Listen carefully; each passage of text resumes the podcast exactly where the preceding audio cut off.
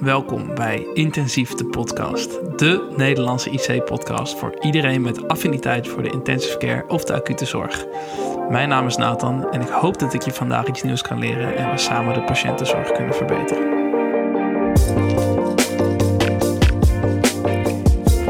Ja, en uh, welkom weer bij een uh, nieuwe aflevering van Intensief de Podcast. Ik hoop dat jullie de vorige maand uh, goed zijn doorgekomen zonder aflevering. Ik was even op vakantie, dus de podcast uh, van uh, twee weken geleden is uh, niet doorgegaan. Maar nu dus, het is weer woensdag, het is weer tijd voor een nieuwe aflevering. En vandaag gaan we het hebben over hypernatriëmie. Misschien toch wel een wat minder sexy onderwerp dan de andere onderwerpen die tot nu toe besproken zijn. Maar ik denk ergens erg ondergewaardeerd en wel heel belangrijk voor de in ieder geval voor de IC-patiënt, maar ook voor de patiënt op andere acute zorgafdelingen. Ik wil jullie uh, bij deze alvast een kleine waarschuwing geven. We gaan een aantal uh, artikelen ook bespreken vandaag. Want ja, er is gewoon heel veel geschreven over hypernatremie. Het is ontzettend interessant om even in het onderzoek te duiken. Uh, om wat meer kracht bij te stellen dat hypernatremie echt wel heel schadelijk is voor de IC-patiënt. Dus nou, als je affiniteit met onderzoek niet zo groot is, hoop ik dat ik je door de aflevering heen kan helpen. Er zullen ook heel veel uh, uh, nou ja, delen van de podcast niet over onderzoek gaan, maar bij deze kleine, kleine disclaimer. Laten we eerst beginnen met de basisfysiologie.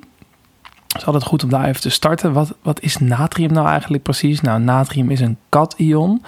Um, dus dat betekent positief geladen ion. En het is het meest dominante kation in de extracellulaire vloeistof. Dus waar kalium het meest dominante kation is in de intracellulaire vloeistof, zit natrium met name extracellulair. En die extracellulaire natriumconcentratie is dan tussen de 135 en 145 millimol per liter. Ons lichaam probeert nou, met allemaal mechanismes dat natrium binnen die range te houden. En nou, als het onder die range is, dan noemen we dat een hyponatriëmie. Dat is weer iets heel anders waar we het vandaag uh, helemaal niet over gaan hebben. Um, maar als het boven de 145 is, um, is er sprake van een hypernatriëmie. Nou, wat gebeurt er dan in het lichaam? Um, dan zal initieel de osmolariteit omhoog gaan, waardoor we last zullen gaan krijgen van dorst. en Daardoor zal onze ADH-productie stijgen, dus het antidiuretisch hormoon. Nou, als de ADH-productie zal stijgen, dan zullen we uh, vrij water gaan retineren, um, waardoor het natriumgehalte dus zal gaan dalen. Dus dat gebeurt er in een ideale situatie. Dus natrium stijgt, waardoor de osmolariteit stijgt, waardoor de ADH-concentratie stijgt, waardoor het vrij water wordt geretineerd en het natrium weer zal dalen. Um, nou, het nefron kan uh, kiezen uh, heel goed om, om natrium vast te houden. Uh, dat doen ze met aldosteron. Maar er is geen enkel mechanisme hoe het nefron extra natrium kan gaan uitscheiden. En dat is eigenlijk van het evolutionair punt ook niet zo nodig geweest, omdat een hypernatriëmie bijvoorbeeld ten gevolge van een te hoge natriumintake niet voorkwam. Um, um, ja, een hyponatremie, dus dat mensen bijvoorbeeld te weinig zout binnenkregen, veel frequenter was. Dus daarom kan het lichaam wel heel goed anticiperen door zout vast te houden, maar kan het niet goed zout uitscheiden. Dus dat doet het eigenlijk door vrij water te verhogen. Daardoor wordt de relatieve natriumconcentratie dus lager. Um, nou, ik zei net eerder al dat natrium vanaf 145 uh, een hypernatriëmie uh, wordt genoemd. Maar zelfs er zijn een aantal studies die al laten zien dat vanaf uh, natrium van 143 de mortaliteit uh, zelfs al uh, verhoogd is bij IC-patiënten. Dus probeer daar ook alert op te zijn dat een lichte stijging van het natriumgehalte of zelfs in de hogere range van het natriumgehalte al problemen kan geven aan de IC-patiënt. En heel globaal gezien zijn er twee oorzaken voor hypernatriëmie. Nou, of er is te weinig vrij water of er is te veel zout. En dan hebben we in de etiologie nog een verschil tussen de uh, community-acquired hypernatremie, zoals we dat heel mooi noemen. Dat is dus al de hypernatremie die al aanwezig is voordat je patiënt op de IC wordt opgenomen.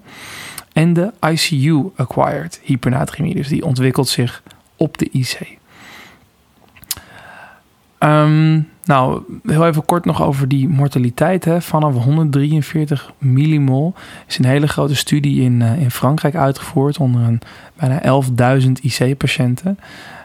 Um, die lieten zien dat de mortaliteit uh, in dat hele cohort, als er geen sprake was van een verhoogd natrium, was dat bijna uh, 17%. En zodra dat natrium steeg boven de 143, werd dat 22,5%. En als het boven de 156 was, werd de mortaliteit zelfs bijna 55%. Nou, dit was een retrospectieve studie, dus is erg lastig om aan te tonen. Um, om causaliteit aan te tonen. Dus we kunnen alleen zeggen dat er een correlatie is tussen het natriumgehalte in het bloed en de mortaliteit. Um, maar wat we wel weten is dat hypernatremie, uh, nou, ongeacht of het nou daadwerkelijk de mortaliteit uh, verhoogt, weten we wel dat er een aantal symptomen aan vastzitten die erg onaangenaam zijn voor de patiënt. Waarbij dorst toch wel het allerfrequentste of het meest vervelende symptoom is. Er zijn um, nou, heel veel geschreven over dorst en er wordt geschat dat de prevalentie op de IC tussen 70 en 80 procent ligt. Dus nou, bijna alle IC-patiënten hebben ergens in hun opname wel last van, uh, van dorst. Maar je kan jezelf wel herinneren de laatste keer dat je echt extreme dorst hebt gehad, hoe oncomfortabel dat dan is. En met name als je niet goed kan aangeven dat je dat, je dat hebt. Dus het, uh, nou ja, het verhoogt ook het risico op de lier. En dus het discomfort van de patiënt, waar uh, verpleegkundigen en artsen vaak ten onrechte dan sedatie geven omdat dorst dus een erg onderbelicht symptoom is. Wat we dus heel vaak zien bij hypernatremie. En wat dus eigenlijk een normaal mechanisme is van het lichaam. Om dus te zorgen um, dat we meer vrijwater gaan innemen.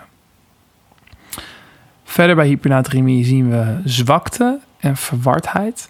En we zien ook een aantal orgaanproblemen. Waar bijvoorbeeld um, de uh, contractiliteit van het linkerventrikel ook afneemt. We zien hyperventilatie. We zien een verminderde gluconeogenese in de lever. We kunnen krampen zien. Het kan zelfs leiden tot uh. En in hele ernstige gevallen zelfs uh, tot coma. Door um, nou, krimping van het brein. Verder is ook nog, um, blijkt uit onderzoek, dat uh, nou ja, de natriumbalans in het lichaam en niet zozeer de vochtbalans in het lichaam is geassocieerd met uh, verlengde beademingsduur. Dus als patiënten te veel natrium hebben gekregen, dan is dat ongeacht hun vochtbalans, uh, verlengt dat uh, de beademingsduur. Nou, dan even die oorzaken hè, van hypernatremie. En we hebben het nu met name over de community acquired. Dus eigenlijk patiënten komen binnen op die IC al met een hypernatremie. Nou, dan is dus een van de oorzaken is dat ze te weinig vrij water hebben. En dat kan eigenlijk drie redenen hebben. Dus het kan of zijn dat ze niet genoeg intake hebben. Nou, dat zien we met name bij patiënten die zelf geen toegang hebben tot water. Dus bij, bij hele kleine kindjes of bij uh, dementerende ouderen of bij mensen die afhankelijk zijn van, uh, van zorg. Uh, of mensen die geen dorstprikkel hebben. Zoals bijvoorbeeld uh, delirante of dementerende patiënten. We zien het dus ook wel eens na hele erge hitte. Met, nadat mensen uitgedroogd raken. Ehm, vervolgens kunnen mensen het gastro-intestinaal verliezen. Door bijvoorbeeld diarree of braken. En ze kunnen het ook renaal verliezen. Nou, dan zien we heel vaak dat dat gebeurt bij diabetes insipidus. Um, daar zijn er ook weer twee vormen van. Dus dan heb je de centrale diabetes insipidus. Dat zien we met name bij hersenletsel, dus bij mensen bij een neurotrauma. En dat uh, zorgt dan voor een gebrek aan ADH-aanmaak, waardoor de diurese dus helemaal niet geremd wordt en er dus ontzettend veel water wordt uitgescheiden. Uh, nou, wat je aan deze patiënt uh, kan toedienen is synthetisch ADH. Dat wordt ook wel desmopressine genoemd of Minrin. En daarmee kan je dus dat uh, hele forse verlies aan water beperken. Maar dan is er ook nog een andere vorm van diabetes insipidus. En die noemen we de nefrogene diabetes insipidus. En dat betekent dat de nieren niet meer gevoelig zijn voor ADH. Nou, dat is heel moeilijk te behandelen. Want als je ADH gaat toedienen extra, dan blijven die nieren daar ongevoelig voor. Ehm, dus dit is een heel lastig, lastig ziektebeeld. En wat ook kan gebeuren is dat patiënten gewoon te veel diurese hebben gehad... doordat we te veel furosemide hebben gegeven... of door een hele forse hyperglycemie... Uh, omdat uh, hyperglycemie ook ervoor zorgt dat mensen meer gaan plassen. Wordt ook vocht onttrokken uit de weefsels doordat, um, uit de cellen door dat uh, hoge glucosegehalte. Of door bijvoorbeeld manitol-toediening. Dat wordt ook wel osmotische diurese genoemd. Dus manitol heeft een hele hoge osmose, sorry, osmotische osmolariteit. Dus dat geven we bijvoorbeeld bij hersenuitdeem. Maar daardoor zorgt het ook voor fors vochtverlies. Um, een andere mogelijkheid is dat we dus te veel zout bij de patiënt hebben. Dus het kan te weinig water zijn of te veel zout. Uh, nou, dat kan ten eerste door een hoge eigen zoutintake. Dat zien we heel zeldzaam, maar er zijn wat case reports beschreven van mensen die bijvoorbeeld een liter sojasaus hebben gedronken. En wat wel uh, interessant is aan deze case report, deze jonge man had daarna een uh, natrium van 196. En uh, die heeft in een half uur uh, 6 liter vrij water gekregen. We komen zo bij de behandeling van hypernatremie. Maar deze patiënt heeft een volledig herstel doorgemaakt. Of als mensen zeewater hebben gedronken, bijvoorbeeld drenkelingen. Dan zien we ook dat die hypernatriëm kunnen worden. Um, of ja, wij kunnen het ook veroorzaakt hebben. Dat dan uh, dat een iatrogene zouttoediening. Dus dat kan bijvoorbeeld bij de toediening van heel veel hypertoon zout. Waar de natriumconcentratie 514 millimol per liter is in 3% NaCl. Of bij de toediening van uh, natriumbicarbonaat, daar is zelfs de natriumconcentratie 1000 millimol per liter. Of als patiënten heel veel NaCl hebben gekregen, um, misschien kunnen jullie uit de bloedgasaflevering nog herinneren, de hyperchloremische acidose. Nou, dat kan dus ook als ze heel veel Um, en als ze al 0,9% hebben gekregen, daar is de natriumconcentratie 154 millimol per liter. En dat is dus ook hoger dan wat, um, wat het hoort te zijn in ons lichaam.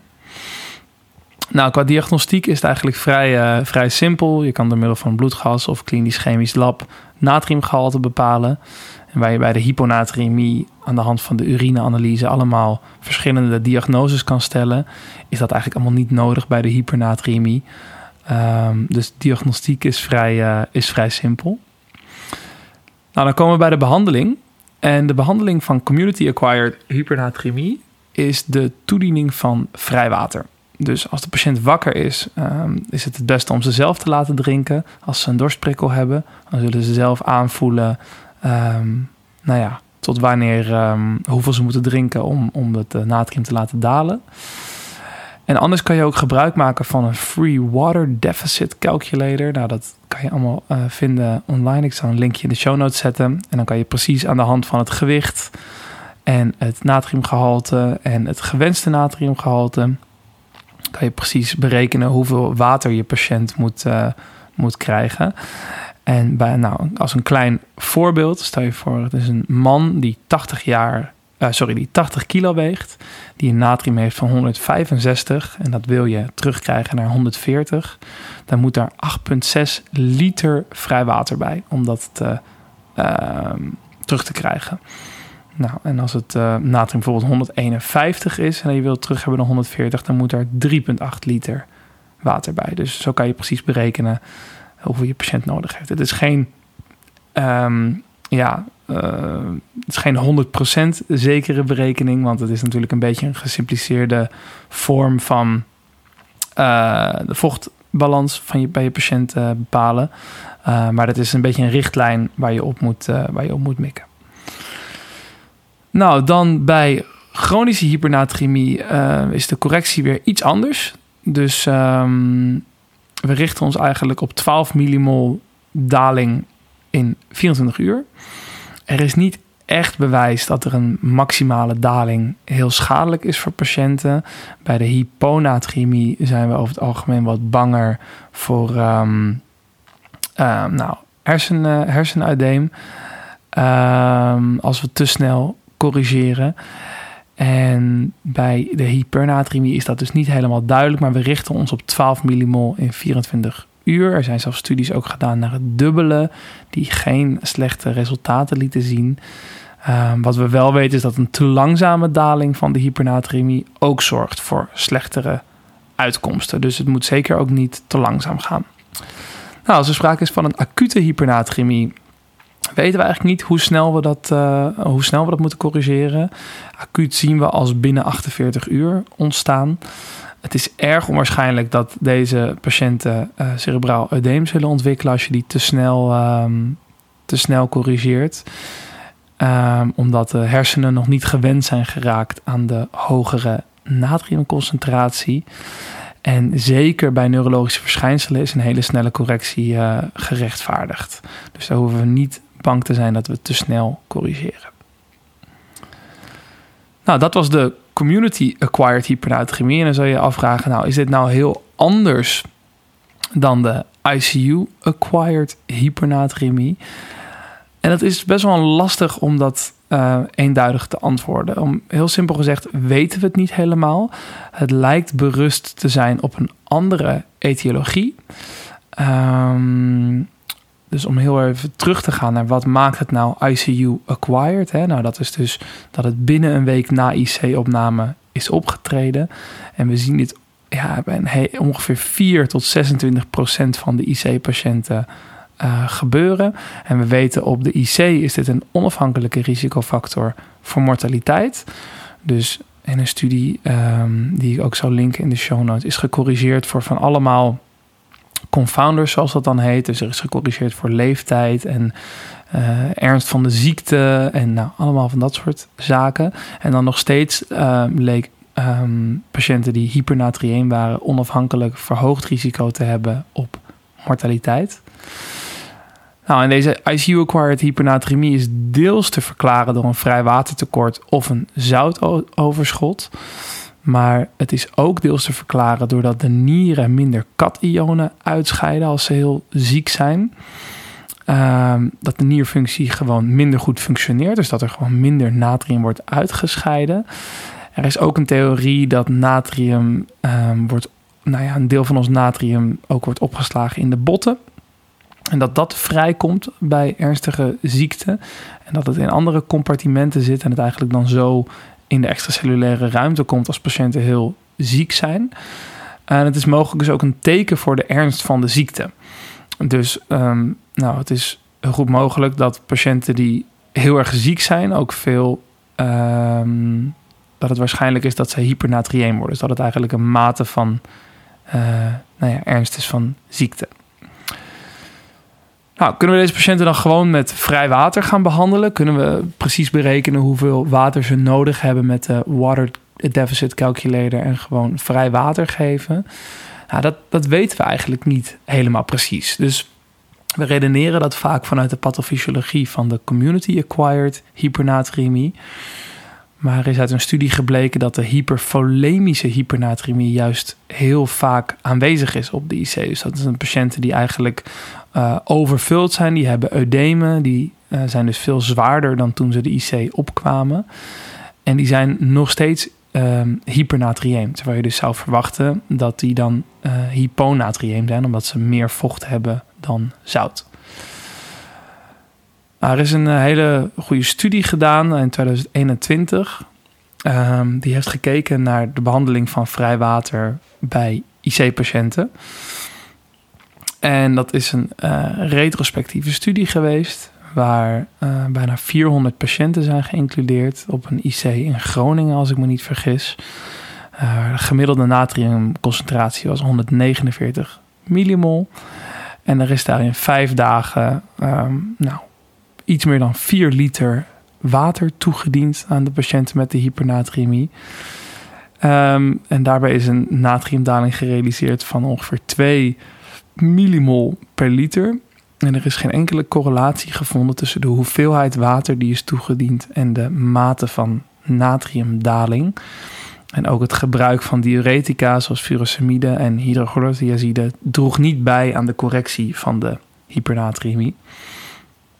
Nou, het kan zijn dat er gewoon te weinig water is gegeven. Hè? Want als er in vijf dagen iets meer dan 4 liter is gegeven, als je terugdenkt aan dat rekenvoorbeeld net waar de patiënt bijna 9 liter nodig had, kan je afvragen of er niet gewoon te weinig water is gegeven. Maar het is alsnog nou ja, vrij frappant dat er geen correlatie is gevonden tussen de hoeveelheid water die er is toegediend en de daling van het natrium. Um, dus ja, heeft het zin om vrij water te geven? We weten het eigenlijk niet precies. Dus vanuit de pathofysiologie is het logisch dat het wel zin heeft. Maar omdat de etiologie van ICU-acquired hypernatremie misschien veel ingewikkelder is dan van de community-acquired, weten we het niet precies. Nou, wat moeten we nou wel doen met deze patiënten? Nou, daar is wel vrij veel onderzoek naar gedaan. En is er met name iets wat ik heel interessant vind, is het onderzoek wat er naar is gedaan als we eh, NaCl vervangen door glucose bij het oplossen van antibiotica en het openhouden van infusielijnen. Dus ik denk dat jullie allemaal wel bekend zijn als er een centrale lijn is met bijvoorbeeld vier lumina, dat er over al die vier lumina iets moet lopen. Nou, bij ons in het ziekenhuis is dat 3 milliliter NaCl per uur. Ehm, en er zijn dus een aantal studies gedaan die dus laten zien als je dat vervangt door glucose 5% en als je ook alle antibiotica en medicijnen allemaal oplost in glucose 5%, dat je dan uh, een veel lagere prevalentie hebt van hypernatremie. Nou, er is één studie uit Japan die dat heel mooi uh, heeft laten zien. Um, die laat eigenlijk zien dat de incidentie van hypernatremie in de groep die eh, NaCl krijgt 27% is. En in de groep die glucose krijgt is dat 14%. Um, en daarbij zien we ook dat er ook een veel meer hyperchloremie aanwezig is in de NaCl-groep, in de glucosegroep. Wat dus ook weer kan zorgen voor een acidose en ook weer veel andere problemen met zich meebrengt. En dan zou je misschien afvragen, ja, maar als, als onze patiënten heel veel glucose gaan geven, worden ze dan niet allemaal heel hyperglycemisch? Nou, daar heeft deze studie ook naar gekeken en die liet zien dat de mate van hyperglycemie in de glucose en NaCl-groep precies hetzelfde waren. Um, ze waren 1% verschillend, maar dat was geen significant verschil. Nou, er zijn allemaal studies naar gedaan. Ik zal ze nu niet allemaal opnoemen, maar ik zal ze in de show notes zetten als je dat interessant vindt. Uh, en als je er nog meer over wil weten, kan je me ook eventjes benaderen via e-mail of via Instagram. Um, ik heb ze ook allemaal in een presentatie, heb ik ze staan, dus dan uh, kan je daar ook rustig naar kijken. Nou, wat is nou eigenlijk de conclusie van dit hele verhaal? Nou, er lijkt dus een verschil te zijn tussen de etiologie en de behandeling van community-acquired hypernatremie en IC-acquired hypernatremie. En hypernatremie uh, is in ieder geval een onafhankelijke risicofactor van mortaliteit en wellicht zelfs vanaf 143 millimol al. De behandeling met vrij water bij ehm, ICU-acquired hypernatremie, ja, dat weten we dus niet echt of dat zin heeft. Het klinkt wel logisch, maar er zijn dus geen studies die dat echt hebben aangetoond. Um, wat we wel weten is dat een hoge natriumtoediening bij IC-patiënten zeker bijdraagt aan de uh, prevalentie van uh. En dat zorgt dus ook voor um, meer vochtretentie. Dat was ik nog vergeten te noemen. Dat is wel interessant. Uit een andere studie bleek ook dat de groep die glucose kreeg in plaats van NaCl eh, meer urineproductie had en een lagere vochtbalans. Nou, dat is waarschijnlijk te wijten aan het feit dat natrium dus ook vocht vasthoudt. Dus als je minder natrium geeft, dat je dus ook meer vocht gaat uitscheiden. En dat willen we natuurlijk heel graag, dat onze patiënten meer gaan plassen en minder vocht vasthouden. Het lijkt dus dat we de IC-acquired hypernatremie kunnen uh, verminderen door te wisselen naar glucose 5% voor alle oplossingen. En hierdoor dus minder hypernatremie zonder een toename van de hyperglycemie. En dan is het goed om in het achterhoofd te houden dat er volgens mij een klein aantal medicijnen zijn die niet uh, compatibel zijn met glucose 5%. Dus dat is misschien iets om bij de apotheek na te vragen. En dat uh, het kan zijn dat uh, je een calorieberekening doet bij jullie op de IC. En als de patiënten dus iets meer glucose krijgen, zullen ze ook iets meer calorieën binnenkrijgen. Dus dat er misschien wat voedingsadviezen moeten worden aangepast. Ja, dat was eigenlijk um, wat ik te vertellen had over hypernatriëmie. Um, ja, ik hoop dat jullie na deze aflevering iets beter begrijpen hoe dat nou precies zit. En ook iets beter het belang ervan begrijpen. Ik denk dat we onze patiënt echt heel erg kunnen helpen als we de hypernatremie kunnen nou, voorkomen, maar zeker ook tijdig behandelen. Want dorst lijkt me echt verschrikkelijk als je ook nog eens een bademingsbuis in je keel hebt en je niet kan uiten dat je dorst hebt. Um, en het is dus een ontzettend frequent symptoom.